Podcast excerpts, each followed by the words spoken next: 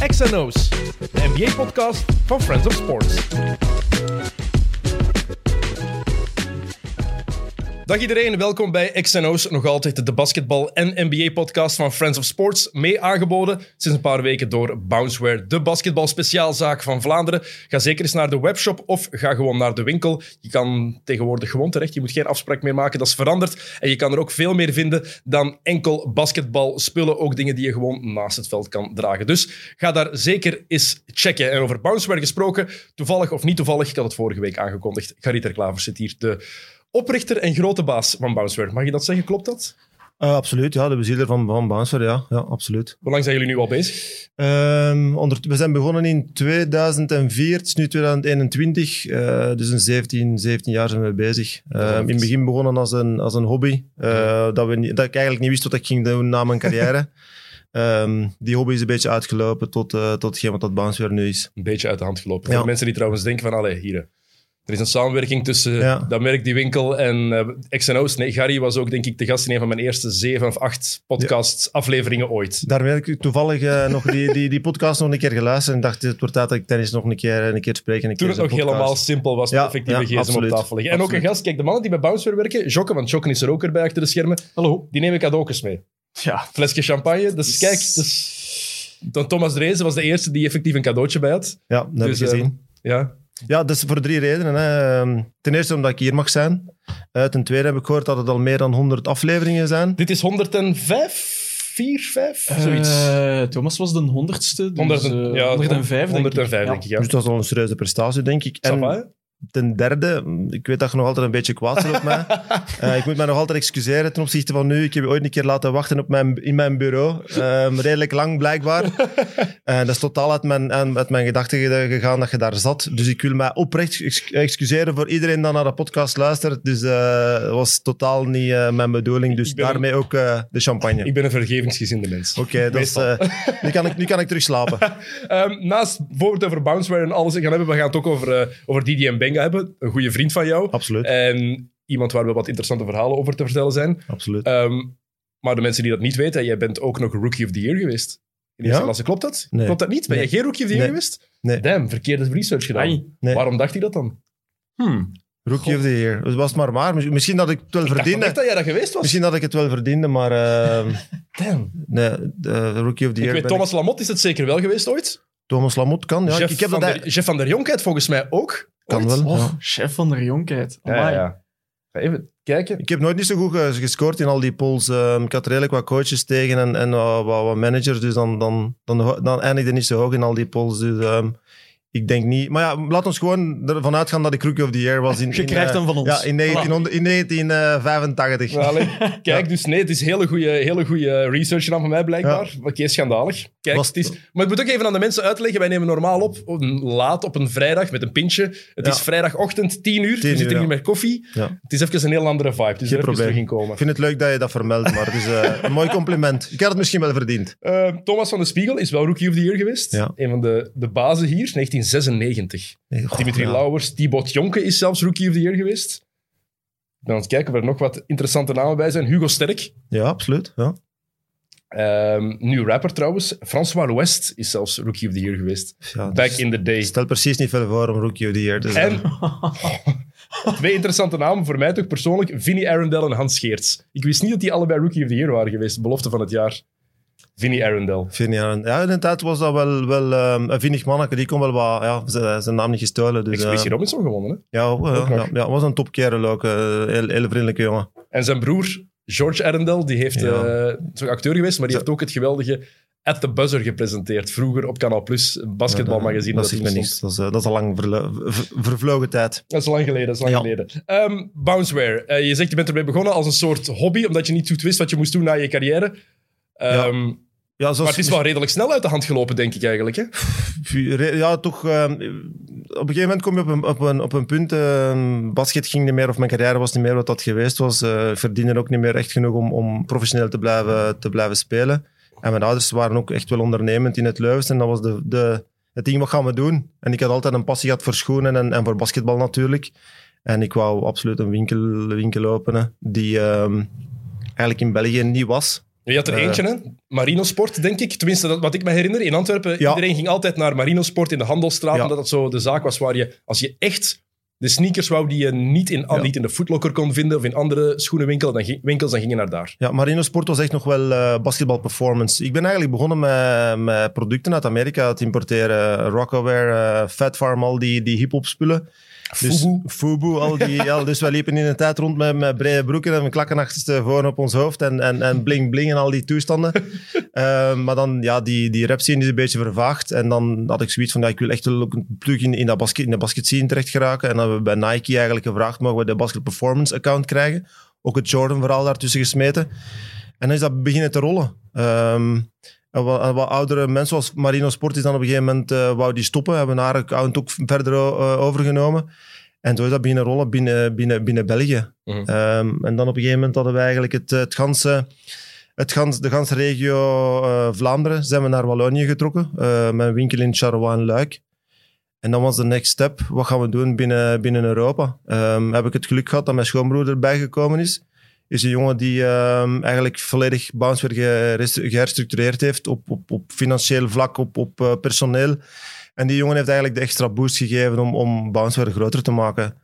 Eh, je mocht weten, ik heb nooit geen studies gedaan. Ik heb eigenlijk altijd gewerkt op, eh, op gevoel. Maar die jongen heeft financieel alles, alles veranderd. Dus Bounce weer is echt wel een, een, een machine geworden. Ja, Eh, machine. En dat- wat, ik vind dat ergens redelijk straf, vooral als je denkt, zo'n winkel in Frankrijk, ik denk meteen een groot succes. Frankrijk is zo basketball-minded, is daar zo in geïnteresseerd. Zelfs in, in de UK zie je dat ook veel harder werken dan in België. België blijft een, kleine, een klein land, een kleinere markt.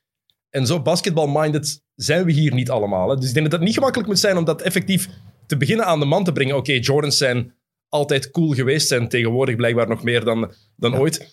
Ja. Maar het is wel iets, het is wel iets waar dat je extra moeite voor moet doen, denk ik, om die Belgische markt extra hard aan te spreken. Ja, de Belgische markt is inderdaad niet gemakkelijk. Ehm, het probleem is ook, we zijn klein. Ehm, ik denk dat we in- qua winkels gaan we, gaan we reduceren, gaan we naar, naar minder winkels. We hebben ondertussen de winkel in Kortrijk al toegedaan, omdat we voelen, webshop gaat heel hard. Dus mensen die vroeger naar de winkel komen, kopen nu gewoon online. Mhm. Dus ik denk dat we in België gewoon gaan reduceren naar drie, vier goede winkels. In Frankrijk is dat iets anders. Dat, is ook, eh, dat wordt daar anders beleefd. Eh, wij proberen ook altijd ons winkels een beetje te linken aan spelers die daar zitten. Bijvoorbeeld, wij zitten in Lyon met Baco. Proberen we daar ook altijd con- connecties te krijgen eh, via hem, met Tony Parker en al die, al die dingen. Dus we proberen ook nu wel lokaal te gaan. We willen binnenkort met eh Sam van Rossum ehm, in Valencia winkel openen. Die, eh, die winkel staat eigenlijk al een jaar te wachten om, om aan de slag te gaan. Maar door coronaperikelen kunnen we daar niet binnen. Want we werken met een Belgisch bedrijf voor onze constructies te doen, maar we Ja. geraken daar niet binnen. Ehm, maar ja, Sam van Rossum is ook, is ook weer onze link om, om daar te beginnen. Dus eh we appreciëren enorm met de mensen die daar zijn, dat we daarmee kunnen beginnen. Eh, contacten naar, de, naar, naar spelers toe, contact naar bestuur toe, eh, jeugdopleidingen via die mensen. Dus dat is eigenlijk wel altijd belangrijk dat we een beetje een houvast hebben aan de, aan de plaats waar we Mhm. naartoe willen gaan. Als je kijkt naar België, jullie hebben wel in korte tijd een, een, ja, z- een zekere naamsbekendheid gekregen, verworven. Dat moet niet evident of gemakkelijk zijn geweest om daarmee te beginnen, denk ik dan in de eerste plaats. Hoe heb je dat gedaan? en Hoe heb je dat aangepakt om Ja, toch die markt een beetje groter te maken of die interesse groter te maken voor die basketbalmerken, voor die basketbalkleding, voor die basketball lifestyle? Ik denk als je, als je niet bekend bent in België, ehm, dat je niet aan zo'n winkel kunt beginnen. Ik, ik heb het geluk gehad van 13 jaar in eerste klasse te basketten. Dus ik kende alle, alle managers, alle coaches in eerste klasse, bijna alle spelers. Ehm, dus die link om mensen naar mijn winkels te krijgen is iets gemakkelijker. Dan is natuurlijk de, het, moeilijke daaraan, welke collecties hangen in je winkel? Wat is er hot? Wat is er, wat is er uit? Dus dat is altijd een, een, een, een, komen en gaan van nieuwe brands die bij ons in de winkel, die bij ons Ja, in de hoe is dat liggen. geëvolueerd als je kijkt naar 2004 en nu 2021? Als je kijkt naar interesse in bepaalde merken, in bepaalde ja, merchandise gewoonlijk. Zijn het shirts, zijn het t-shirts, zijn het trainingsboeken? Wat, welke dingen? Ja, wat is het interessantste? is dat, dat varieert eigenlijk ook meer van, van, van regio. Bijvoorbeeld in Frankrijk is, is NBA super hot. Ja. Eh, jerseys dat, dat wij hier ehm, op, op tafel liggen van, van Doncic zijn daar, zijn daar super hot. Mensen lopen daar ehm, met, met, met, met jerseys, met, met patches, met, met, met hoodies, noem maar op. In België is dat allemaal iets minder aanwezig op de markt om, om echt te, te, te zeggen, ik, ik, ik, vertegen, allee, ik eh, vertegenwoordig die, dat team. Ik wil echt een Lakers shirt omdat ik fan ben van, van, van, van, van LeBron. Mhm. Dat is hier wat minder. Mensen zijn iets, iets bedeesder, denk ik. In Frankrijk is dat voluit. Hier ga je ermee basketten, ga je ermee trainen. Ja. Zo'n dingen doe je. Ja, maar, gaat er niet mee... naar een festival. Ja, ik zou dat al aandoen om eh, naar een festival te gaan en met LeBron James op mijn rug te lopen of met Doncic, maar In, in, in België is dat iets, iets minder op, aan, de, aan de orde. En wat zie je dan, hoe is dat geëvolueerd? Wat zie je dan in de interesse van bepaalde, bepaalde merken, bepaalde dingen? Hoe zie je dat? het- als je kijkt naar 2004 en nu, zie je daar een groot verschil in? In België, hè? Absoluut, ja. Zoals ik zei, we zijn begonnen met, eh, met, met echt eh, vrije tijdskledij. En nu is dat puur performance. En is, eh, ons grootste merk is nog altijd Nike, is 85% van onze omzet. Dat is echt. Dus dat, Dat is dat is immens, ja. Eh, Het is niet, niet echt gemakkelijk om te werken met Nike, omdat zij, bepaal, zij bepalen eigenlijk de markt. Want wij hebben we hebben bijvoorbeeld een release van een Jordan 1. Wij krijgen een beperkt aantal eh, schoenen in, in onze winkels. Eh, vorige week hadden wij de release van de Jordan 1 Hyper Royal, denk ik. Eh, we hebben 15.000 inschrijvingen op onze raffle eh, op onze website. We hebben, 15 we hebben duizenden mensen die vragen online... kunnen we een paar hebben? Mijn, mijn gsm staat roodgloeiend van mensen waar ik zogezegd allemaal mee gespeeld heb of vrienden van vroeger voor een paar te hebben. Ik heb daar geen probleem mee, maar we hebben 250 paar voor tienduizenden mensen die, die een paar willen.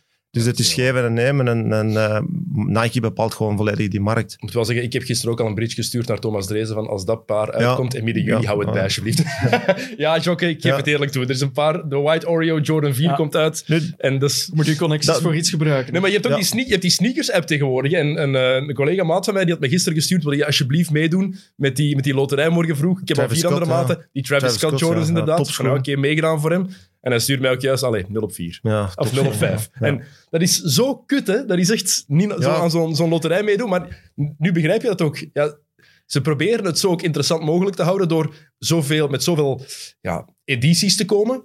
Maar die oplage is beperkt genoeg te houden om Ja. het toch interessant te maken dat je ervoor wil gaan. De topmodellen beperken ze zo hard in, in oplages, dus ik excuseer me naar iedereen die geen paar vastkrijgt. Maar ik wil het, altijd, ik wil het zo, zo breed mogelijk eh, uit, uitleggen, maar het, het, het is er gewoon niet. ehm, dus dat is echt wel een probleem voor ons. Maar is dat dan ook niet omdat de mensen dat tegenwoordig als investering Ja, zien? ja, ja. We, we maken echt wel een onderscheid omdat we veel, veel mensen terugvinden op, op resell sites en, en dat, dat Mhm. onze paren daarop komen. En we willen dat echt vermijden. Dus we proberen ook wel te kiezen Mhm. van die zijn we zeker dat, dat paar schoenen. Als ik nu echt spelers Die gaat die aandoen. ja, die, Ja. die aandoen, dat ik weet, die dragen die met veel, met veel plezier, dan krijgen die dat van mij. Maar als ik weet dat het voor te resellen is, ja, dan, dan, eh, dan proberen we dat wel niet te doen. En krijgen, even duidelijk maken, dan mogen ze er ook voor betalen. Dan- ja, ja, ik wil het wel even duidelijk maken voor de mensen die luisteren. Ehm, ik vind dat heel straf, wat jij zegt ook, Jokke, van ja, mensen die dat gaan gewoon ook ja, willen bijhouden of dan doorverkopen op reseller sites. Ik snap dat niet. Ik ben zelf een Jordan freak al jarenlang. Echt al 25 jaar denk ik dat dat, dat een soort verslaving is bij mij. En ik heb nooit gedacht aan, oké, dat paar ga ik nu eens niet dragen. Ik weet nog een paar jaar geleden was ik in de States en toen kwamen er gasten mij effectief aanspreken. Ik denk in een Nike store. zo, Ja, where they get this. Ja, ja, en hoe-. Ik had die Jordan, die Jordan 12 Space Jam of Jordan 11 Space Jam aan. Mhm. En dan zo, hoe durf jij die dragen? Hoe durf jij die dragen? Van, ja, wat anders? Ja. Ja. gewoon, die houden toch gewoon thuis bij? Nee, ik draag mij. Ja, ik wil ik mijn heb- sneakers dragen. Ik heb nu ook wel paren die ik nooit van, van, van in mijn leven ga aandoen. Omdat ik weet... Ja, ik heb, ik heb er bijvoorbeeld die, ehm, die Jordan 1 Dior heb ik staan. Ehm, Ga je die nooit aandoen? nee, ik heb die Air Max staan. Ik heb, ik heb, ik heb echt wel schoenen dat ik denk van... eh, die zijn toch te cool om niet te dragen? Ja, maar dat is, dat is iets te duur om gewoon maar aan mijn voeten te doen. Om eh, op, op eh, Tomorrowland gaan te staan en, eh, dat, dat en er pinten over te Maar kappen. je kan het wel... Ik weet, er was een kerel bijvoorbeeld, ik weet niet wie dat was, maar een familielid van een eh, hooggeplaatste aanwezige tijdens de inauguratie van Joe Biden, die, die onder zijn Ja. kostuum aan had. Top. Zie, kijk, Ja, cool. ja, misschien, ja. ja. Ja, mis- ja, ik, heb, ik heb een mooie schoenencollectie de laatste 25 jaar eh, bij elkaar verzameld. no Ehm, shit. Ja. Dus ehm, ik probeer de, ja, de meeste paren wel te dragen. En, maar de echte, eh, bijvoorbeeld, ik heb ook een aantal schoenen van de eerste Kanye, Kanye West allemaal. Is dan de Red October en al die toestanden Ja. staan ook allemaal in de kast. Ja, de nieuwe Yeezys nooit kopen, hè? Wat Nee, Sorry, ik- Crocs nee, zijn nee. schoner dan dat, hè? Nee, daar, daar gaan we niet mee beginnen. Wat Sinds dat, sinds dat naar Adidas gegaan is, ben ik, eh, ben ik eigenlijk mijn, mijn interesse verloren naar eh, het easy verhaal. Het is eigenlijk straf. Als je kijkt, Nike heeft zo'n monopolie ergens over de basketbalwereld, terwijl Adidas probeert. Ze proberen echt, Puma probeert. Als je kijkt, de spelers die Puma heeft. Kuzma en al, ja, ja, ze zijn hebben, toppers. ze ja. hebben, ze hebben eh, Aiton, ze hebben ehm LaMelo Ball hebben ze nu ook bij Puma getekend. Ze zijn echt wel bezig daar, ze proberen daar. Maar de Nike-hegemonie doorbreken gaat gewoon heel moeilijk worden. Ehm, je hebt Reebok die dingen geprobeerd heeft, vroeger met Shaq, eh, daarna met Allen Iverson. Die answers blijven iconische schoenen. En toch zal je altijd meer teruggrijpen naar ergens naar Nike en Jordan. Nike slaagt er altijd om juist iets meer te doen. Hoe dat ook komt, of is, het, is, het is soms echt wel moeilijk te begrijpen, want je ziet dat al die andere brands wel de moeite doen om, eh, om er iets mee, mee te doen, maar Nike is zo'n machine geworden, dat is, ehm, dat is gigantisch. En Jordan eh, is al jaren een van de meest populaire brands. ja. Maar tegenwoordig, de laatste twee jaar, is het alleen maar populairder geworden. En als je dat dan hoort, de, de jeugd, dan heb ik het over echt de middelbare schooljeugd, ineens zijn die allemaal into Jordan 1 en Jordan 4. Die twee, die twee modellen, en vooral Jordan 1, is ineens het van het. Heb jij, niet, heb jij een verklaring daarvoor dat ineens komt? Want ik weet, jij bent net zoals mij, jij draagt ook al 15, 20 jaar Jordan 1's. Ja. Dus dat zit er zo ingebakken Ik, bij ik ons. weet niet van waar ineens die Jordan 1 hype komt. Heeft dat iets te maken met de Last Dance? Dat die, dat, dat, Ah, dat, dat goed. ermee te Zou maken heeft? kunnen, Maar inderdaad. ik heb random mensen die nooit geen Jordans gedragen hebben, ineens eh berichtjes sturen van mijn zoon heeft, ehm, heeft, heeft Jordans gezien. Kun je een paar vastkrijgen voor mij? Maar dan moet ik dat helemaal uitleggen van ja, maar beperkte releases en dan begint het dan... Ah, je kunt me dan niet helpen. Kun je, kan je ze niet bijbestellen? Dat is meestal de vraag. Ah, ja. Eh, ja, ik zal eens naar Nike bellen dat er nog een paar Chinezen eh, nog een paar schoenen willen maken. Ja, maar het is hangt er ook vanaf. Ja, je kan de, de basic Jordan 1's, de gewoon basic heel all whites, all blacks, kan je echt Maar dat is zelfs moeilijk. Ça va. In, Sni- in, in Snipes, in, in Footlocker, in al die gewoon de, de winkels die je bijna elke winkelstraat vindt, kan je die wel een keer vinden. Ja, mis- ja misschien Meestal. ja, de all whites en de all blacks. De, die chance heb ik toch ja, al vaak ja, gehad, ja. ik zal het zo zeggen dan. Snipes, eh, dat is- Ja, kijk. kijk, als jullie, als jullie de all whites niet hebben, moet Nee, ik zeggen, nee, dat nee, gaan zoeken. waar, Dat zijn zo de goede basics voor Absoluut. altijd te hebben. Gewoon onder het jeansje altijd clean. Voilà, Absoluut. dat kan je ook ik, ben, altijd- ik, ben, ik ben mee. Daar mogen mee in de stront stappen en zo. Ja. Dat, is- dat zijn zo de uitzonderingen op de regel die Ik we ben allemaal mee. mogen. Maar ik vind dat wel straf. Mijn broer die eh, geeft les in het middelbaar, in het derde en vierde middelbaar nu, of alleen het vierde nu. Sorry Niels. Eh, geeft die les en die zegt echt van ja, iedereen daar is ineens zie ik al die jonge gasten en meisjes ook. Wat ik fantastisch vind, met Jordan Ones rond- rondlopen. Ehm, en hij zelf draagt die natuurlijk ook. Ik- door mij.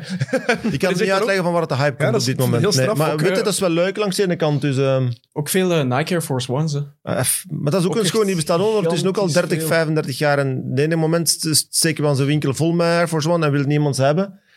En ineens, twee jaar later, is, is Air Force One een volledige hype. Toch? Is dat iemand misschien online, social media, die, die terug eh, een bekende rapper of een bekende filmacteur die ineens die, terug die schoenen terug aandoet? Maar dat zijn ook de basics die altijd gaan terugkomen. Dat is, je, hebt, je hebt Jordan 1, je hebt die eh, Nike Air Force One en je hebt Air, Air Max. En dunks. En Dunks. Ja. Die vier gaan Ja. altijd, denk ik, terug blijven komen. Het zijn ook wel topschoenen natuurlijk. Tuurlijk. Ja. Ja, het zijn wel topmodellen. Ehm voor we het zo meteen over DJ Benga gaan hebben, we hebben iets weg te geven. Yes. Ik heb het erbij. Voilà. Het shirt van Luka Doncic. Met het etiketje nog aan, ja. Dus voor degene die hem... eh, kan ik moet even terugleggen. Ja. Ehm, jullie Niet Van moesten... AliExpress. Wat? Het is niet van AliExpress, nee, inderdaad. Eh, wat moesten jullie doen? Een bijnaam verzinnen voor Luka Doncic. Wel, Gary, ik heb heel veel dingen binnengekregen. Ehm, en ik had te veel werk. A.k.a. ik was ook te lui om het gisteravond al allemaal te bekijken. Oei, oei. Ik moest, ik moest dit gesprek voorbereiden. Hè. Ja, absoluut. Heel Ik heb veel dingen over DJ en Benga gelezen. Ja, en dat- nog, eh, daar kan nog ik veel over vertellen ook, maar ik ga ook be- bepaalde dingen niet vertellen. Dat is, dat, ja, ik van. ja. Goed, ik ga een paar dingen overlopen. Een paar voorstellen die er geweest zijn. Ehm, we gaan daar snel doorgaan. Ik ga nog geen namen zeggen, gewoon wat... Jokke, jij mag gewoon even opschrijven anders welke dat we in, in eh, de, de top vijf opties... Ja. En dan gaan we goed. daar doorgaan. Dit gaat heel interessant eh, luistermateriaal worden voor de mensen thuis. Ik ga er snel doorgaan. Er is er ene die vier opties heeft gegeven. Poef, Luca de Don, Sitch. Veel woordspeling met Dan. Eh, triple. Hm. Boom Shakalaka. Vind ik een toffe. maar wel te lang voor een bijnaam. Ik kan het juist zeggen, dat er... eh, Ehm eens kijken, wat hebben we nog? Even de- de- Plus dat doet mij zo te hard denken aan die dunks van, eh, van dat spelletje. Boom NBA shakalaka! Jam. NBA Jam. NBA Jam. Hm. Hey, dat was fantastisch, NBA Jam. Iemand heeft de bijnaam LSD. Luca Smile Doncic. Ik vind LSD wel grappig, Dat maar... vind ik wel cool. Ehm, Lucky Luca. Hm. Dan hebben we er ene die een heel... Ja, de ene een heel interessante. Duke Doncic of The Duke of Dallas. Ja, vond ik ook een tof. Ja, maar ik doe altijd denken een beetje aan David Duke, de laatste Grand Wizard van de Ku Klux Klan. En daardoor denk ik, nope, kunnen we niet doen. nee, moeilijk. Moeilijk daardoor. het. Daardoor kan ik, het spijt me, ik snap de link, Duke, waarom, maar het gaat, nee, daardoor gaat het niet. Eh, de Luca Motive, Ook cool. vond ik ook een goeie, de Luca Motive. Ehm Don Delicious, kan dat erbij komen? Wat hebben we hier nog? Ehm The Dawn komt echt heel vaak terug. Ik ga even kijken. Dat, dat, dat was via YouTube. Hebben we ook via Instagram nog eh, dingen. Hier. eh, Chubby Champion. Maar dan moet hij wel eerst eh, kampioen Ja, worden, voilà. natuurlijk. Dus daarom, dezelfde mens had dan ook gezegd, Lukaku, Lukaku Doncic. Ehm, slow show? Dat vind ik wel... eh, Slow ja. show, ja. Slow show. Ehm, Luca Luke, inderdaad, of Luca Luck, inderdaad, omdat hij in Texas speelt en dat het dan bij- past bij, bij Lucky Luke. Eh, Luca Don Patron. De Slovenian Schnitzel. Schnitzel. Eens de schnitzels in, eh, in Slovenië. Niet bij mij weten, Ik maar ben, ik ben er nog nooit geweest. Dit vind ik een hele goeie. Van eh, Luka Doncic, L-U-D-O, de Ludo. de Lidde. Ja, dat is voor Antwerpen. Ik vind het een hele goeie. Onze Ludo. Ik vind de Ludo. Echt... Onze Ludo heeft er weer 47 binnen ge- Kijk, gekregen. kijk. Iemand, Luka Koe. Hm? Te veel voetbalverwijzing misschien. Ja. Te moeilijk. Eh Luca Skyballer. Naar Luke Skywalker. Ik vind alles leuk met de Dawn in, dus ik vind dat, eh, dat hij al de, de, de bijnaam met de Dawn mag Luca krijgen. Don Chic. Gewoon chic, oké. Dat, ja. Ah nee, Ja? dat is, eh, is dat van, van die meneer die ons vorige week heeft Dat gestuurd? is van Stef Nuits. Hij- we hebben- Heeft vorige week heeft die meneer dat ook met de hele uitleg. Ja, wat er toch... eh, ah nee, dat was... Don Quixote was dat. Don Quixote Ja, was het ja, ja, inderdaad. ja. Don Quixote was het Blijft ook inderdaad. eh, Vind ik ook een goed. hele goeie. Ja. Maar Don Chic, ja. Luca Licious. Ja, Don Quixote voorlopig blijft de winnaar door de hele uitleg die hij gegeven heeft. Ja, vind ik wel. Hele, he- hele uitleg. Ik had er nog twee, had ik hier had opgeschreven, die interessant waren. Interessant waren. Fat white guy. Allee, dat is echt te erg. Ehm, Luca de Sniper hebben we nog. En Dallas Dragon. Maar ja, Dragon, er is maar één Dragon, dat is, dat is ehm, Goran Dragic. Hè. Ja. Gaan we voor de uitleg van vorige week shocken? ja, dat vond ik een hele mooie. Dus het chubby gedoe gaan we allemaal negeren? Ja, wie weet eh, verdwijnt zijn babyvet ooit en... Nee, ik moet wel zeggen, ik ben er gisteren, in- ben er gisteren doorgegaan. Er waren heel veel interessante inzendingen. Heel veel. Ik kon er gisteren gewoon geen kiezen, dus daarom dat ik dacht, we gaan er gewoon nu even doorgaan.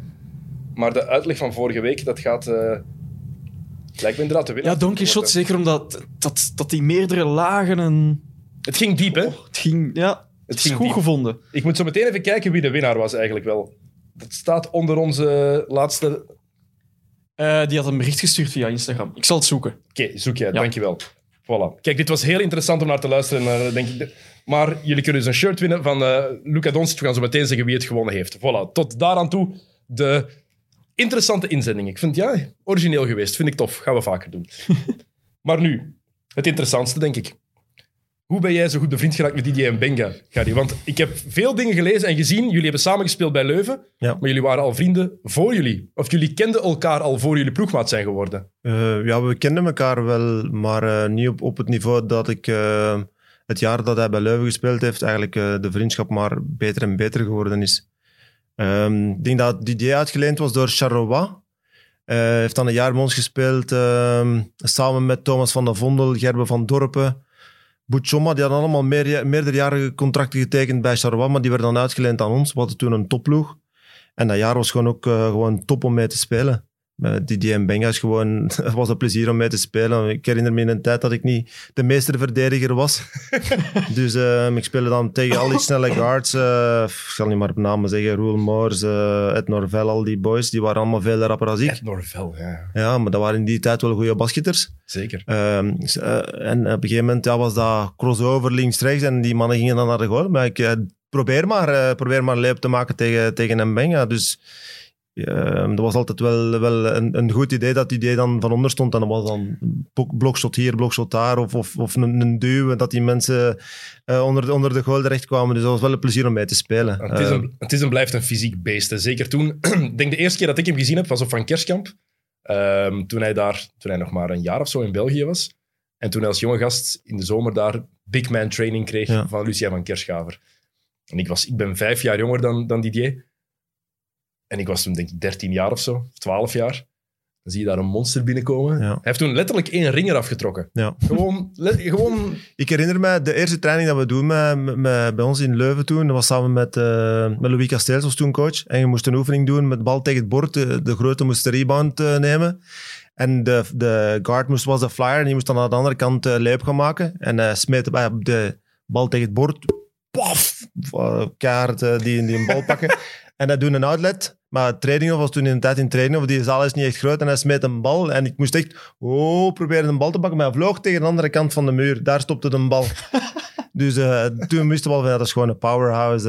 Uh, ook dat jaar zijn er ook verschillende ploegen hem komen scouten. En dan was, was ik met Boetjomma en Gerben. Allee, DJ, kom op. Um, zitten, Philadelphia 76ers zaten daar, Dallas zat daar, Lakers zaten daar. Al die scouts kwamen zien naar hem. En hij was op het gemaksken aan, het, aan het trainen. En dat was eigenlijk, kom aan, uh, zet u even gezien. Volgend jaar kunnen we naar een NBA. Oh, ça, ça va être bien, ça va être bien. dus uh, dat was het idee ten top. Uh, maar ik heb daar, ik heb daar zoveel anekdotes mee meegemaakt. Um. Ja, maar misschien even kaderen, misschien niet onbelangrijk, uh, waarom jij zo gekwalificeerd bent om daarover te praten. Want je, ja, de mensen die daar het best over kan praten is Didier zelf. Je hebt Willy Steveniers, dat zou een heel interessant verhaal zijn. Um, maar jullie zijn heel goed bevriend geraakt. En niet onbelangrijk, hij is ook de Peter van een van, ja, jou, naast, van jouw ja, van Noah, ja. ja, Kijk, naast, dat, ja. dat zegt eigenlijk heel veel over de band die jullie hebben. Je maakt niet zomaar maar iemand de Peter van je oudste kind. Nee, nee, nee, absoluut. Ik ben, van het moment dat hij naar Dallas gegaan is, ben ik hem verschillende keren samen met Thomas van der Vondel gaan bezoeken. Jij We bent de eerste Belg die hem is gaan opzoeken daar, hè, toen Ik hij denk het wel, in ja, de ja. NBA is geraakt. Maar je moet dan ook weten, typisch Afrikaans eh, probleempje dat ze hebben. We komen aan op de luchthaven. Drie uur later staan we daar nog met ons valies. eh, was hem het vergeten. Ehm, Hoe was het vergeten? ja, vergeten of, of ja, zogezegd een meeting ergens met, met een of andere eh, griet waarschijnlijk. dus eh, stonden we daar ook te, te koekeloeren. Dus ja, met, met, met die idee wist ik eigenlijk nooit niet op voorhand. ehm, maar we hebben daar echt wel mooie dingen mee, mee, mee meegemaakt. We hebben zoveel NBA Finals gezien, Western Conference Finals, eh, noem maar op. eh, mee met, met, met de Dallas Mavericks, de, de, de teamjet van, van Dallas naar, naar Miami gevlogen. Je bent om daar- mee in die teamjet Ja, absoluut, absoluut. Ja. hoe kom je daarin? Oeh, Maar hoe raakt je daarop? Ja, inderdaad. Ehm, op een gegeven moment was de, ik denk de finale Dallas-Orlando, denk ik. Dallas Miami. Pardon. je 2006. hebt gelijk, Ja. absoluut. En op een gegeven moment is- vraagt idee aan ons, willen jullie mee naar Miami vliegen? Er, komt, er zaten eerste spelers op en af gevlogen, alleen naar Miami gevlogen. En het vliegtuig kwam terug en kwam fam- eh, familie en vrienden halen. Willen jullie meegaan? Kaarten, hotel, alles betaald. Ehm, ja, daar moeten we natuurlijk geen twee keer over nadenken. Dus eh, een half uur, of een uur later zaten we op het vliegtuig met de privéjet van de Mavericks zaten we richting Miami te vliegen. En was het een deftige privéjet? Want ik weet, de Mavericks hebben drie jaar geleden een nieuwe gekregen. En die is echt, of vier, vijf jaar geleden. En die is echt complete dat is- waanzin. Ik ken nu niet veel van, van vliegtuigen, maar dat waren grote Boeings waar het dan uiteindelijk 40 zetels in staan. Dus waar dat stewardesjes rondlopen met, met, met, met dranken, met champagne. En, dus voor mij was dat meer dan oké. Ik, ben, ik, ben, ik ben geen moeilijke jongen, dus ik was eigenlijk rap tevreden. Dus ehm, ja, dat was een ervaring die je dankzij die idee eigenlijk meemaakt. eh. voor we, ja. voor we, ik wil daar nog dieper op ingaan, maar even terug gewoon naar het begin eigenlijk. Want als je het hele Didier Mbenga-verhaal gewoon leest of hoort, dat is de Belgasport die nooit gemaakt is. Hè? Als er nu één Absoluut, verhaal ja. is dat in mijn ogen Ja. zeker gemaakt moet worden. Het is nu, ja, het, het is niet gemakkelijk, want je moet Phil Jackson dan horen. Je, je wou vroeger natuurlijk Kobe Bryant horen. We weten allemaal dat dat niet meer gaat. Er zijn zoveel mensen die daarvoor te pakken gekregen, die je daarvoor te pakken moet krijgen, die heel moeilijk te pakken te krijgen zijn, of onmogelijk te pakken te krijgen zijn. Maar dat verhaal, dat, zoiets verzin je zelfs niet. Al, Nee. al probeer je, je kan niet Nee, maar- verzinnen dat iemand die opgesloten zit in Congo, omdat zijn vader ehm, werkte voor de regering van, van Zaire toen Ja. voor Kabila heeft overgenomen, dan in de gevangenis is terechtgekomen, is moeten uitbreken. Het ene verhaal zegt dat zijn vader de cipiers heeft omgekocht. Het andere verhaal zegt dat zijn een van zijn broers de cipiers heeft omgekocht om die dieet te laten ontsnappen. Die dan in België terechtkomt, aan het buskotje staat van aan het asielcentrum in Capelle opgemerkt wordt door een ex- ex-basketbalspeler die toevallig voorbij rijdt, die dan tegen Willy Steveniers zegt ik denk dat ik er een voor u gevonden heb Ja. om mee te werken. Willy Steveniers begint daarmee te werken en zoveel jaar later zit die gast in de NBA. Dat is, dat Dat is Steven in een notendop. Dat is Nee, dat onwaarschijnlijk. is onwaarschijnlijk. Nu, over, over het verleden besprak eigenlijk nooit. We hebben verschillende avonden eh, gaan eten en over, over, over van alles gesproken, maar daar kwam hij nooit niet op terug. Ik vroeg daar ook eigenlijk nooit niet echt achter, maar eh, dat, dat komt nooit niet ter sprake. Heeft hij dat nooit verteld? Nee, ik heb één nee, interview nee, gevonden waarin hij effectief vertelt over... Hij zei zelf, denk je, dat zijn vader ehm, ervoor gezorgd had dat hij met zijn broers was kunnen ontsnappen. Denk in dat ene interview. Hè? Ja. Nee, hij is daar nooit niet echt op ingegaan. Ik heb hem daar wel een paar keer eh, naar gevraagd, maar hij zei, eh, ik ben hier en nu en ik leef nu. Het verleden is, is eh, op dit moment niet aan de orde. Ik wil, toen was het aan het begin ook van de, van de NBA-carrière. Mhm. Ehm, ik, ik wil enkel naar de toekomst zien. Maar daar is het ook beetje, ja, het probleem met het idee was op dat moment, ehm, je wordt wat bekender, je wordt links en rechts eh, aangeklampt. op die moment had hij eigenlijk iemand nodig die, die een vertrouwenspersoon was voor hem. Ik denk dat ik dat een beetje geworden ben. Hij heeft me op die moment ook in Dallas dan wel gevraagd, wil jij bij mij komen wonen? Maar ik was toen nog aan het basketten. Eh, ik speelde toen nog in eerste klas. Heb ik hem gezegd, ja, sorry, die- dat gaat niet. Ik had dat misschien wel beter gedaan, want hij is op bepaalde momenten slecht begeleid geweest. Door misschien wat mensen die, die geen goede bedoelingen met hem hadden. Ik, ik, had, ik had van hem niks nodig. Ik, eh die idee was die idee, omdat ik dat een grappige gast vond. We konden daar eh, een pintje mee gaan drinken. We konden daar plezier mee maken. Daarnaast was het een basket die wij 100% graag deden. Maar ehm, soms zijn er misschien mensen op zijn pad gekruist die andere dingen wouden doen met zijn geld. Ja, en dan heb je het hele Willy Steveniers verhaal ook nog. Wat ja, alle kanten is eh, uitgeschoten. Eh Steveniers die...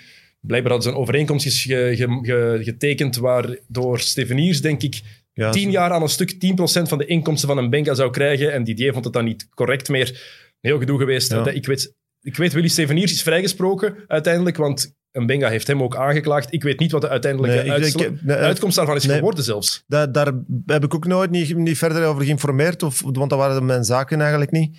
Hij heeft me daar ook nooit niet het fijne van willen vertellen. Hij vond het alleen spijtig dat de, de band tussen hem en Willy Steveniers, want hij heeft hem toch lang z- z- zijn vader ook genoemd, dat is zijn tweede was ook vader. zo, hè? Dus ehm, ik denk dat hij nog altijd oprecht dankbaar is voor de, de familie Steveniers, wat dat ze ook gedaan hebben voor hem.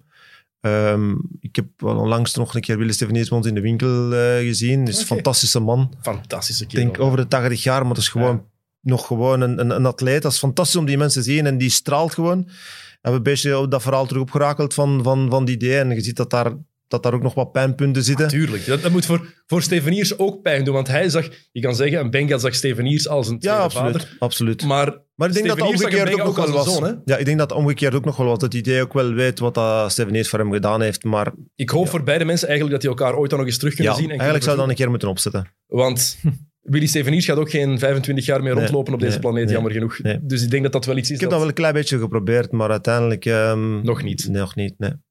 Dat is jammer. Heel jammer. Het zou, dat, dat zou maakt, mooi zijn, dan kunnen we een keer... eh, het maakt het verhaal nog, zo- zou het nog zoveel mooier maken. Hè? Want je kan niet ontkennen dat DJ Mbenga DJ Mbenga is geworden dankzij Willy Steveniers. Absoluut. Zonder Steveniers was Absoluut, Mbenga nooit nee. een basketter geweest Nee, zelfs. Nu, ik moet wel zeggen, eh Dennis, eh, die heeft hard getraind. Hè. Tuurlijk. Ik heb, ik, heb begin- verschil, ja, ik heb verschillende keren hem bezig gezien, terwijl wij al aan het rusten waren, dat hij nog met Charleroi moest gaan meetrainen of met Van Kerschaver. eh, nog extra trainen. De jongen heeft ook wel afgezien. Ook als hij in de NBA trainde, ik, ik weet niet of dat dan nu nog is, maar als, als je geen bepaalde minuten moest, kon spelen tijdens een wedstrijd, moest je extra trainingen doen. Dus hij heeft wel, wel hard getraind. Eh, hij heeft verdiend waar het hem staat, dankzij ook een stuk door het Souvenirs natuurlijk. Maar ehm, ja, ik wil er nog altijd op terugkomen met die idee. Op- Uiteindelijk in zijn, in zijn NBA-carrière slecht begeleid geweest. Op Mhm. een gegeven moment kom ik in de trainingszaal van Dallas. En ehm, ja, toen speelde ik ook nog... eh, ik was een beetje mee aan het shotten met hem. En hij was driepunters aan het smijten. Ik zie die idee, maar... allee, driepunters, ehm, van, van waar al eh, dat je ineens driepunters gaat smijten. En dan zei hij, ja, eh, Don Nelson was toen coach. Don Nelson wil dat ik de tweede Nowitzki word. Ja, dan, dan zie ik maar die idee, maar je kunt met moeite een lay-up maken, wat gaan we driepunters smijten? Ehm, en dan bekijkt hij maar, we gaan regisseren, regisseren. Maar, dus er zijn bepaalde mensen, wat ik nog eens, die, die, hem, die hem slecht... Ik kan Don Nelson gaan nooit tegen hem zeggen van, je moet driepunters beginnen smijten, want eh, allee, hij gaat dat nooit niet kunnen. Nee, Don Nelson hield inderdaad van, van small ball basketbal. Hij was eigenlijk een van de eerste die dat ook wilde proberen. Ik Denk, toen Chris Webber eh, rookie was, in 93, 94, wilde hij Webber al als small ball 5 gebruiken. Dus dat was inderdaad zijn filosofie. Maar hij was... Dat is, Don Nelson is geen uil, hè. het is een Hall of Nee, Famer, nee. als speler en als coach. Hij weet ook wel wat iemand wel of niet kan. En Didier Mbenga, met alle respect, Nee, want ik ook, dat hij, wat hij bereikt heeft, maar de grootste reden dat hij zo'n carrière heeft gehad, is voor zijn fysieke Ja, presence. hè. maar dat begrijp, dat begrijp hij precies niet. Ik heb hem... Allee, hij zit bij, bij, bij de Lakers met, met, met Kobe Bryant. Wat ik ook heel eh, fantastisch vond. De, de relatie tussen Kobe Bryant en, en, en Didier was enorm. Want wij zaten toen in... Tijdens ik bij hem in L.A. Ik ben ook verschillende keren in L.A. geweest. Zaten we in een auto en die belden hem dagelijks. Congo Cash, how you doing? Eh, gewoon small talk over niks. Dat ik echt van, oh, dat is toch wel een speciale relatie dat die twee hebben. En ik weet nog dat hij een jaar getekend had bij LA en dat hij een contractverlenging kreeg van drie jaar voor 10 miljoen dollar. En ik weet dat dat aangeboden eigenlijk wordt door Kobe Bryant, omdat Kobe Bryant er graag mee speelde. En dat hem tegen mij zei van, nee Gary, ik wil, ik wil geen drie jaar tekenen. Ik wil ergens nog een jaar ehm, een jaar tekenen, misschien voor minder geld, maar dan uiteindelijk zo'n topjaar draaien en dan het maximum tekenen. Maar dat ik tegen hem zeg van die idee, maar luistert, je gaat dat nooit niet krijgen. Of wel moet jij je, je spel zo concentreren op je defense, dat je misschien een, een, een, Wallace in een tijd Ja, eh, een die, die betaald werden om te verdedigen. Zeg maar, je zit hier goed, je zit in L.A., ik heb avonden met hem gehad in L.A. Dennis, eh, dat is niet normaal. Hè? Dat wij in, in de Hollywood Hills zaten op eh, feestjes van rappers en, en noem maar op. Eh, fantastisch. Je tekent gewoon nog die jaar bij. Je zei voor heel je leven safe. En je speelt mee, je speelt mee voor titels, je speelt met een Van van, de beste spelers aller tijden. Aller. Voor een van de beste coach, misschien wel de beste coach Ja. aller tijden. Maar dan zei hij, ja, ik wil, ik wil, ik wil eh, dan zijn naar New Orleans gegaan, denk ik. Eh, daar een kutseizoen gedraaid. Toen was het gedaan. Hè? En dat was Ja. gedaan. Maar dat is wat ik u zeg, dat een bepaalde mensen ja, slechte, slechte info aan hem gegeven hebben en, en hem dingen in zijn oor willen blazen hebben. Terwijl ik altijd heel, heel, heel, eerlijk, heel eerlijk tegen hem was. Ik zeg, je kunt niet shotten. Je moet niet shotten. Je moet gewoon proberen een blok te zetten en, en, en een bal door de ring eh, te dunken. Meer moet je niet proberen. Ik vind het wel straf, want ik uh, gisteren nog een interview gezien, of eergisteren, van Kobe over een Benga, waarin hij zei van ja, DJ zijn beste kwaliteit is scoren. Okay, ja. Ik, maar ik vond dat straf, want ik, heb het, ik dacht net zoals jij ook altijd van ik, de reden waarom ik denk dat een Benga NBA-speler is geworden in de eerste plaats is dat waanzinnige lichaam. Want als er nu één iemand is die gewoon... Dat is een, dat is een beeldhouwwerk, hè? Dat is een atleet, gewoon puur, van, puur uit nature was het een atleet Ja. die kon, had alles in zich, kon de bovenkant van het bord raken als hij echt wilde. Het was een springveer, het was een, een blok graniet die daar stond, had hele snelle reactiesnelheid, daarom dat hij defensief wel een impact kon hebben. En dat was in mijn ogen de reden dat hij eh, NBA-speler is geworden. Eén, mee kanonnenvlees op training, moeten we niet onnozel over doen, Ja. maar ook iemand die in 10 minuten tijd wel even gewoon andere spelers Ja, ja, pijn kon doen op het veld. Nu, over zijn scoringvermogen ga ik niet... Ga, misschien Kobe Bryant is, is, is, is de, een van de grootste aller tijden, dus ik ga niet discussiëren. Allee, spijtig genoeg, eh, ik ga niet, niet discussiëren daarover. Die had wel een hoekshot en, en, en een klein, klein jumperke, maar Midrange jumper. ja, ik denk dat in die ploegen genoeg, eh, genoeg mannen waren die, een die konden scoren. Dus ik zeg, focus je op, op dat defensieve, focus op, op, op mee in die groep te zitten, focus op, op andere dingen. Maar hij vond dat zo belangrijk dat hij punten kon maken. En ehm, ja, dat is misschien een klein beetje eh, zijn ondergang ge- geweest. Zichzelf overschatten. Ja, ja, misschien wel. Dat is jammer. Ja. Ja, dat is, dat is heel jammer. Ja. Eh, die band met Kobe, ik vond dat ook heel straf, inderdaad. Want je, je ziet het ook aan hun interactie, dat, dat, dat is niet fake. Eh, ik ben nu bijna door, doorheen het boek Three Ring Circus over Mhm. de eerste eh, acht jaar van Kobe bij de Lakers, de jaren Shaq en Kobe. En als je dan die dingen daarin leest, die redelijk vernietigend zijn voor Kobe, hoe die toen gewoon was. En als je dan nu zegt van ja, hij belde elke dag naar Ja. die DM te vragen hoe het ermee ging. De evolutie van Kobe als leider, als mens in een ploeg, dat is al opvallend. Maar het blijft ook wel straf dat hij, de Kobe die vroeger eigenlijk zijn neus ophaalde voor mannen die nooit meer dan vijf minuten van de bank kwamen, dat die wel dan naar iemand ging die ook niet meer dan vijf minuten van de bank kwam. En die daar effectief wel ja, voor wilde zorgen, precies. Zo komt dat toch over? Ja, ehm, dat Kobe geëvalueerd is als speler en, en als mens. ehm, Dat was ook een- natuurlijk op zijn zeventiende al in Ja, de NBA. hè. ja, dat is, dat is- dan ben je een kind. Eh, maar wat ik, wat ik gezien heb, want wij hebben een keer ook op een, op een trainings... eh, ze, trainen eigenlijk in een andere faciliteit Ja. als waar ze spelen. En dan waren we naar een training mogen gaan zien met Didier. En dan na de wedstrijd eh, hadden Thomas en ik, Thomas van der Vondel en ik, de kans om Kobe Bryant te ontmoeten. En je zag gewoon dat die relatie tussen die twee, dat dat gewoon een spelerij was. En dat ze, dat ze naar Duitsland toe waren en een, een keer op zijn rug aan het slagen. En, en zijn klak af... Zijn klak af ja, het is tenslotte Kobe Bryant, een van de grootste aller tijden. Ehm, ja, ik had, ik had gezegd, het idee, alsjeblieft, teken die nog drie jaar in LA, dat we nog elk jaar ehm, hier kunnen komen zitten en dat we na- naar de finals kunnen komen kijken. En, en- dus, maar ja, op het einde had ik daar geen invloed op, op hetgeen wat hij wou doen. Is dat, is dat ingefluisterd door zijn, door zijn agent? Dat weet ik niet. De, eh. kans, de kans is groot. hè. Je moet daar niet onnozel over doen. We weten de impact die een omgeving heeft op spelers. Dat is, dat is bij, bij bijna alle NBA-spelers zo. Hè. Ja, Zeker als ze jonger zijn, heeft dat een impact. Ehm, dat lijkt me meer dan logisch. Trouwens, voor de mensen die jonger zijn dan 17 of 17 zijn en, zeg- en zich aangevallen voelen door het net zei, dan ben je een kind. Het is gewoon logisch, denk ik. Kobe Bryant die 17 jaar is. nee. En Kobe die ehm 28, 29 is, dat die tegen zijn 29ste iets Ja, volwassener is. absoluut. Allee, toen hij 17 17 was. is, is gewoon nog eh, onvolwassen. In Ja, die wereld zeker, Ja, hè? absoluut. Nee, Dat komt er nog eens bij in de volwassen, harde NBA-wereld. absoluut. Ehm, maar ja, jij bent naar drie finals kunnen gaan. Waar hij was? Ja, de- ik heb ze allemaal gezien, maar dat hij, waar dat, ik, ben, ik ben verschillende jaren naar hem geweest. Ja. Ehm, en op een gegeven moment, ik denk dat het eerste jaar als, als hij in Dallas zat, ehm, was de normale bedoeling dat we daar twee of drie weken bleven. En ik denk dat we daar uiteindelijk bijna twee maanden gezeten hebben. Dat we elke keer de, de vertrekdatum eh, eh, de, er was en dat we zeiden, ja, nee, we gaan verlengen. Hij Nog heeft, een die week. fin- hij heeft die finals niet mogen meespelen met Dallas. nee, want hij heeft weet je nog waarom?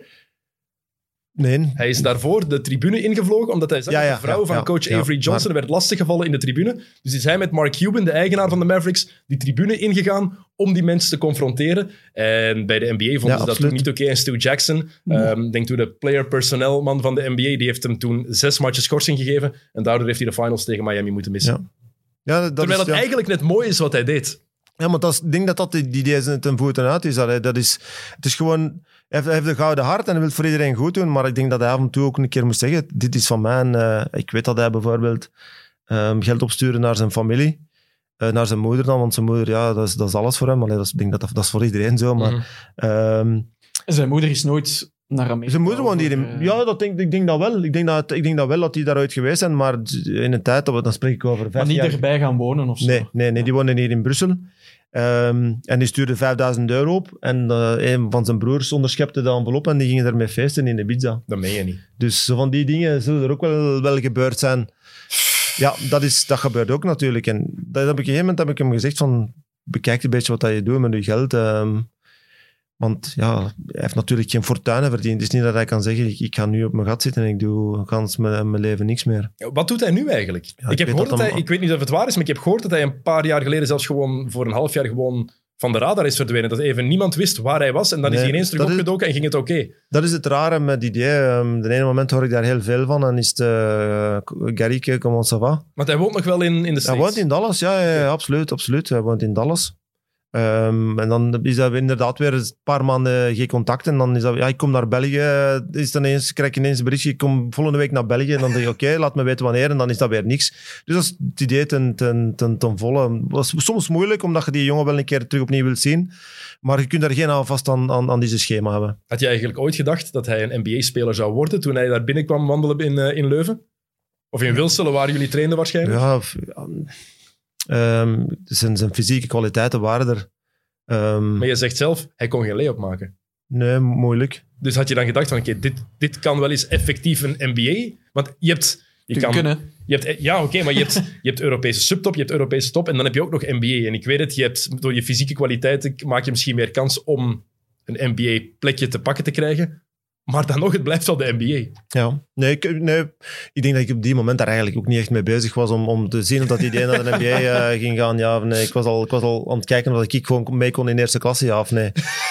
Dus, ehm, maar er zaten, wel, er zaten wel elke week eh, scouts voor hem. Dus, en wij pushten hem ook. Wij, wij zeiden, idee, kom op. ehm, het is de moment hier. Tuurlijk. 76ers sc- scouts. Allee, het was daar...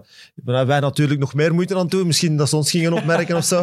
Misschien had ik wel in de NBA gezeten uiteindelijk. Of, of misschien WNBA. Dat misschien... Hoe, hoe komen die scouts dan opeens in Leuven? Ja, of- Die, die horen van... Ja, ja, die, Ja, dat is- die, dat, zijn, dat zijn echt machines ook. Hè. Die scoutingsprogramma's op die, bij die NBA-teams, die kennen elke speler, denk ik, waarschijnlijk van, van 12, 13 jaar kennen die die mannen. Hè. En, eh, maar zat, elke week zat daar, zat daar iemand anders. Wat is het zotste dat je met hem meegemaakt eigenlijk? Mag pre-NBA zijn? Of, of, of het zotste pre-NBA en het zotste tijdens de NBA-jaren?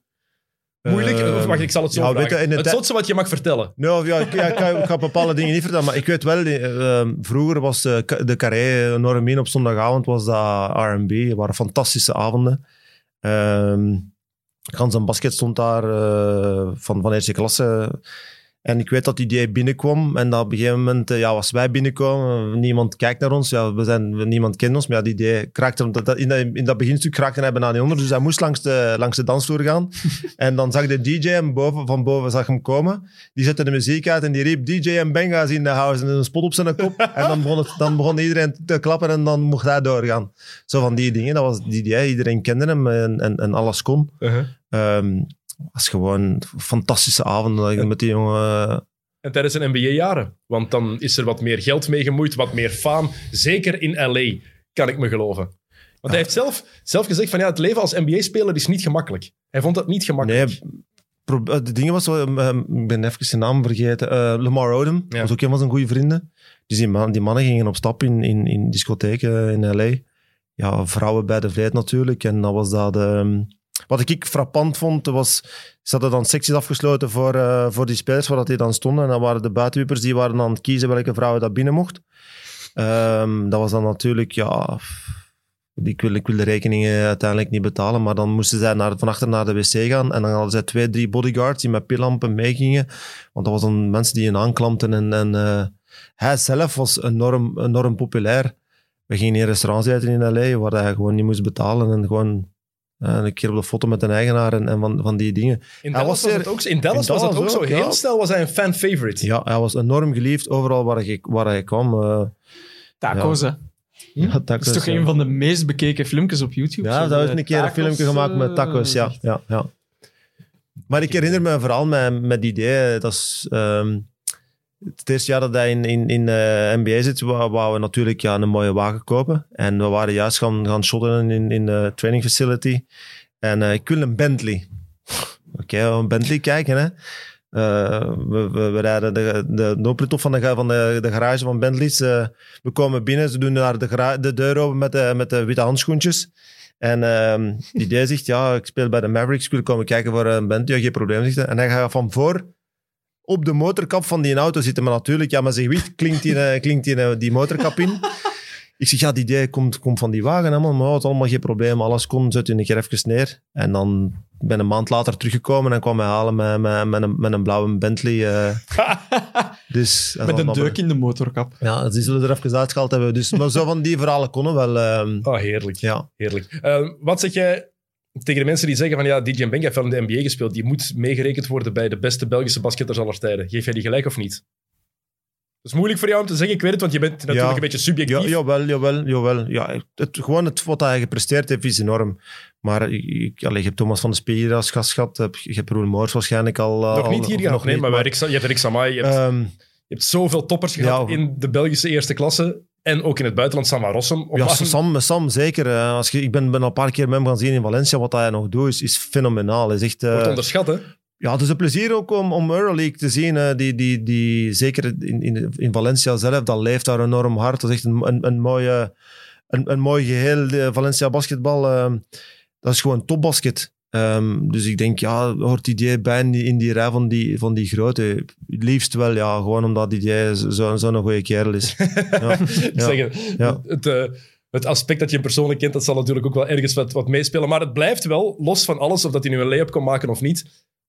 Het is wel de enige Belg die in de NBA gespeeld heeft. En hij heeft, hoop ik voor hem, nog altijd twee kampioenschapsringen thuis Ja, liggen. ik denk ik dat hoop dat, er- hij ze nog heeft. Ik denk dat er weinig eh, gaan, gaan evenaren. Ik hoor nu dat Frans Blijnberg naar de NBA wil gaan. Die eh, interesse in Vrens is wel aan het oppikken. Hoor. Die Ja. wordt, eh, ik, ik zie de mock drafts en hij begint hoger en hoger te klimmen. Ehm, ik hoop voor hem dat het einde eerste ronde wordt ergens, ofwel niet. Tweede ronde draft, draft is nooit een grote cadeau. Je zit, ligt vast bij een bepaalde ploeg. Je hebt een minimumcontract. Terwijl als je als free agent ergens Ja. kan tekenen, heb je veel meer vrijheid en, en kan je veel meer doen. En kan je naar een ploeg die misschien wel bij jou past. Maar Laat, laat ons hopen dat we nog, nog, een, nog een hebben. heeft de capaciteiten wel. Natuurlijk is wel, tussen aanhalingstekens, al 21. Tenminste, als je kijkt naar zijn lichaam, als hij 19 was geweest, dan denk je dat er interesse nog tien keer zo hoog was Ja. geweest. laat ons hopen dat we terug, eh, terug een NBA hebben in. Maar voorlopig is, is, is, is onze vriend Didier ehm, de beste dat we gehad hebben Ja. op dat vlak. En Axel Hervel, de enige Ja. Belg die ooit gedraft Ja, is. Dat blijft voorlopig nog altijd zo. Door de Ja, Denver Nuggets of Houston Rockets. Denk door Denver. Denver. Ja, ja. door Denver. Hè. Ik denk dat we soms onderschatten. We hebben een, een aantal Belgen die echt wel een mooie, mooie carrière gehad hebben. Hè. Axel Hervel ook. eh, Zeker. Erik Strules in der tijd. eh, zijn echt wel, allee, zijn meest, meer, we zijn nu altijd bezig over NBA, maar ik volg totaal NBA niet meer. Maar als ik nu terugdenk over, over Erik Strules en al die, al, al die Roel Moors, Erik, Strules, eh, Thomas van de Spiegel, die mannen hebben topcarrières gehad. Hè. En die konden op een bepaald moment ook wel die stap maken, Ja. als ze Ja. hadden gewild. Ja. Eh, mijn wekker ging afgaan, dat betekent dat we Ja. moeten afronden. We hebben Top. vandaag zowaar een tijdslimiet. We hebben zelfs niet alles kunnen bespreken wat ik van plan was. Nee. Dus, um, Jokken, heb jij de naam al gevonden van Ja, de winnaar? Rutger, Rutger Goeminen. Rutger Goemine, jij wint het shirt van Luka Doncic. Ik zal het nog eens één keer laten zien. Met de Don Quixote. Ik moet eerlijk zeggen, ik heb originelere bijnamen gelezen, maar het is de uitleg en de moeite die je erin Ja, gestoken hebt die het wel. gedaan heeft. Het, is, het, mag, het mag gewoon beloond worden. Ja. Het was een hele lange en hele interessante uitleg. We gaan die nog wel eens bovenhalen en uit de vorige aflevering pikken. Voilà, goed. Ehm, voor we afronden, Gary, moet ik even nog reclame maken voor andere podcasts die we hebben. Want er is deze week een van de meest legendarische mid-mid-podcasts aller tijden opgenomen met Glenn Verbouwheden. Ehm, ja, Ja. wat moeten we daarover zeggen? Ja, luisteren gewoon. Hè. Ja. Ja. Een, een, een vat vol verhalen. Als je denkt dat het hier alle kanten kan uitgaan, Ja, dat is... eh Ik heb ook nog goede verhalen, hè. ja, dat weet ik. Je jij- jij daarvoor moet hè? moeten terugkomen. Je moet er nog eens Ja. terugkomen, voilà. Sowieso. Ehm, moet ik nog een Kick and Rush, eh, denk ik, promoten, die ook is opgenomen met de vaste drie? Ja. Met Leroy, met Jelle en met Tim. En Van Splat is er voorlopig even niet meer. Nee. Komt dat terug binnenkort? Binnenkort, hè, ja. Giro? Ik weet niet wat het plan Ik is. denk dat er, eh, ja, dat er rond de Giro misschien wel iets gaat Misschien gedaan komt er wel iets. Zwat. Eh, wij komen hopelijk volgende week terug. Dat kan ik nog niet bevestigen. Dat moet nog even allemaal onderzocht worden. Ik heb nog geen gast alleszins. Maar er zijn een paar dingen die in de stijgers staan. Gary, merci om tijd te maken. Dank u. En we spreken nog eens af binnenkort. Binnen een want- paar jaar kom ik terug. Ja, we hebben nog niet alles besproken. Een paar jaar. Ah ja, Sneller. ja, Het zou rapper moeten Ja, zijn. oké, is goed. Het zou rapper Geen moeten zijn. Het tempo van de podcast is een beetje opgepikt de laatste jaren. Dus eh, vandaar. Merci om tijd te maken Dank en naar hier te komen. Jokke, merci dat je er was. Dank u wel. Ik bedank u voor het kijken en het luisteren. En hopelijk tot volgende week. En anders tot binnen twee. Salut. Check it out.